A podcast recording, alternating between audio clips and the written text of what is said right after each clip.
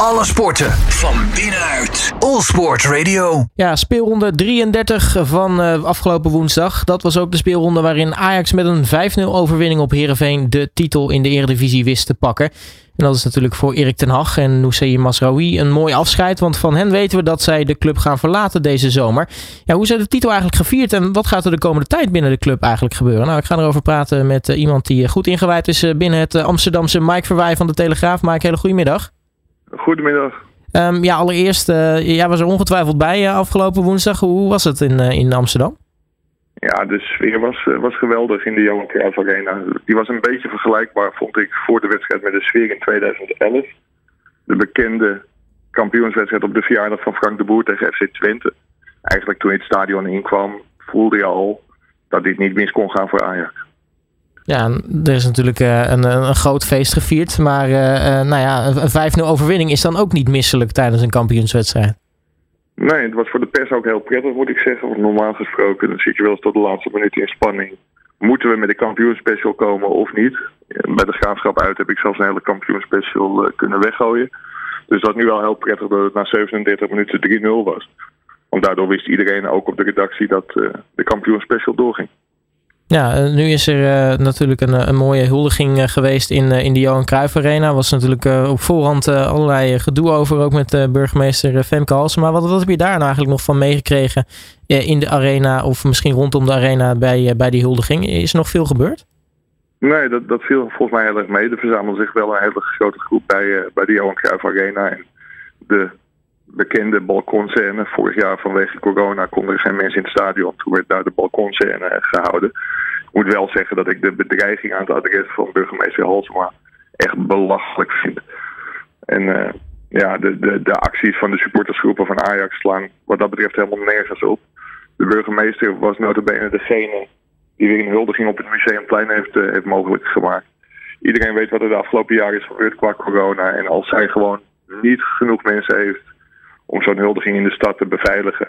Ja, dan is het haar plicht, denk ik, om de huldiging niet door te laten gaan in de stad.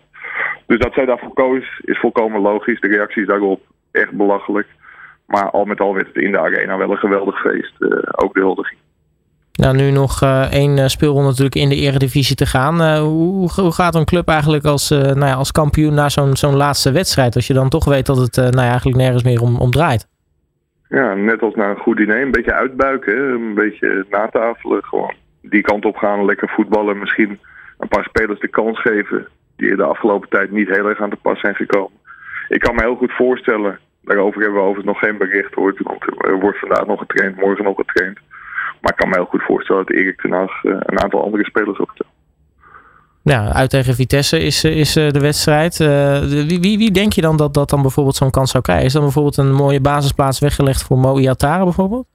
Ja, dat, dat lijkt me misschien nog iets te vroeg. Maar ik kan me voorstellen dat Kudus de kans krijgt. Misschien Divine Range, omdat je daar toch volgend jaar mee verder gaat. Als vervanger van, uh, van Nusay Masraoui. Je noemde net al dat hij naar Bayern München gaat. Geweldige transfer. Ja, zo, zo zijn er nog wat spelers die, die speelminuten zouden kunnen krijgen. Misschien dat Dagami toch een keer kan laten zien dat hij niet voor niks is gehaald als degene achter Dusan Tadic.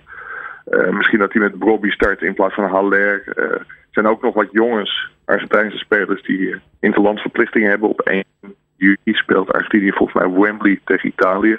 De kampioen van Europa tegen de kampioen van Zuid-Amerika. Ik denk dat dat soort jongens aan de kant gehouden zal. Nou, nu uh, heb je eigenlijk altijd natuurlijk aan het einde van het seizoen, uh, zeker bij de landskampioen, altijd uh, transfergeruchten en dat soort dingen. nu weten we sowieso natuurlijk al dat, dat Erik ten Hag naar United gaat en nou ja, Masraoui dus inderdaad naar, naar Bayern München. Maar welke, welke vraagtekens hangen er eigenlijk nog meer boven de, de selectie? Want nou, volgens mij was Gravenberg ook al zo goed als rond, hebben we gehoord. Ja, die, die kan naar Bayern München, maar de clubs zijn er nog niet uit. Ik denk zodra dat gebeurt, Ryan Gravenberg heel snel een akkoord, uh, akkoord zal hebben met Bayern München. Ja, ik, ik ben het met je eens dat er altijd, en zeker bij de kampioen, heel veel transfergeruchten zijn. Ik denk dat het nu alleen in het kwadraat is, omdat heel Europa heeft gezien dat Ajax in de groepsfase van de Champions League feilloos uh, was. En ja, daar hebben ze dusdanig veel indruk gemaakt dat er ook belangstelling is voor Haller. Hoewel je dat misschien de laatste week als je ziet voetbal in de Eredivisie niet kunt voorstellen.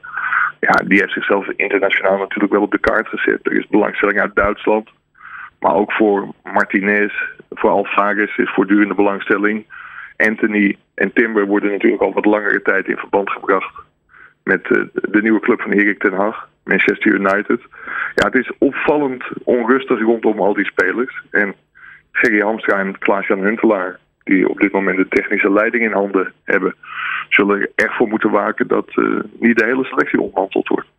Ja, want uh, dat, dat wordt inderdaad nog wel een, een dingetje dan komende zomer. Uh, nu weten we ook dat, dat Schreuder komt natuurlijk als, als, als nieuwe hoofdcoach. Denk jij dat hij ook nog wel even een, een wensenlijstje heeft van, van, van spelers die hij zou, zou willen hebben of zou willen behouden? Zeker. Ja, een nieuwe coach heeft altijd wel inspraak op, op transfers. Ik moet zeggen, bij Erik ten Hag was dat misschien nog wel iets extremer dan in het verleden ooit is gebeurd. Ten Hag had een geweldige band met Mark Overmars. Die vormde echt een twee-eenheid en die bepaalde eigenlijk met z'n tweeën.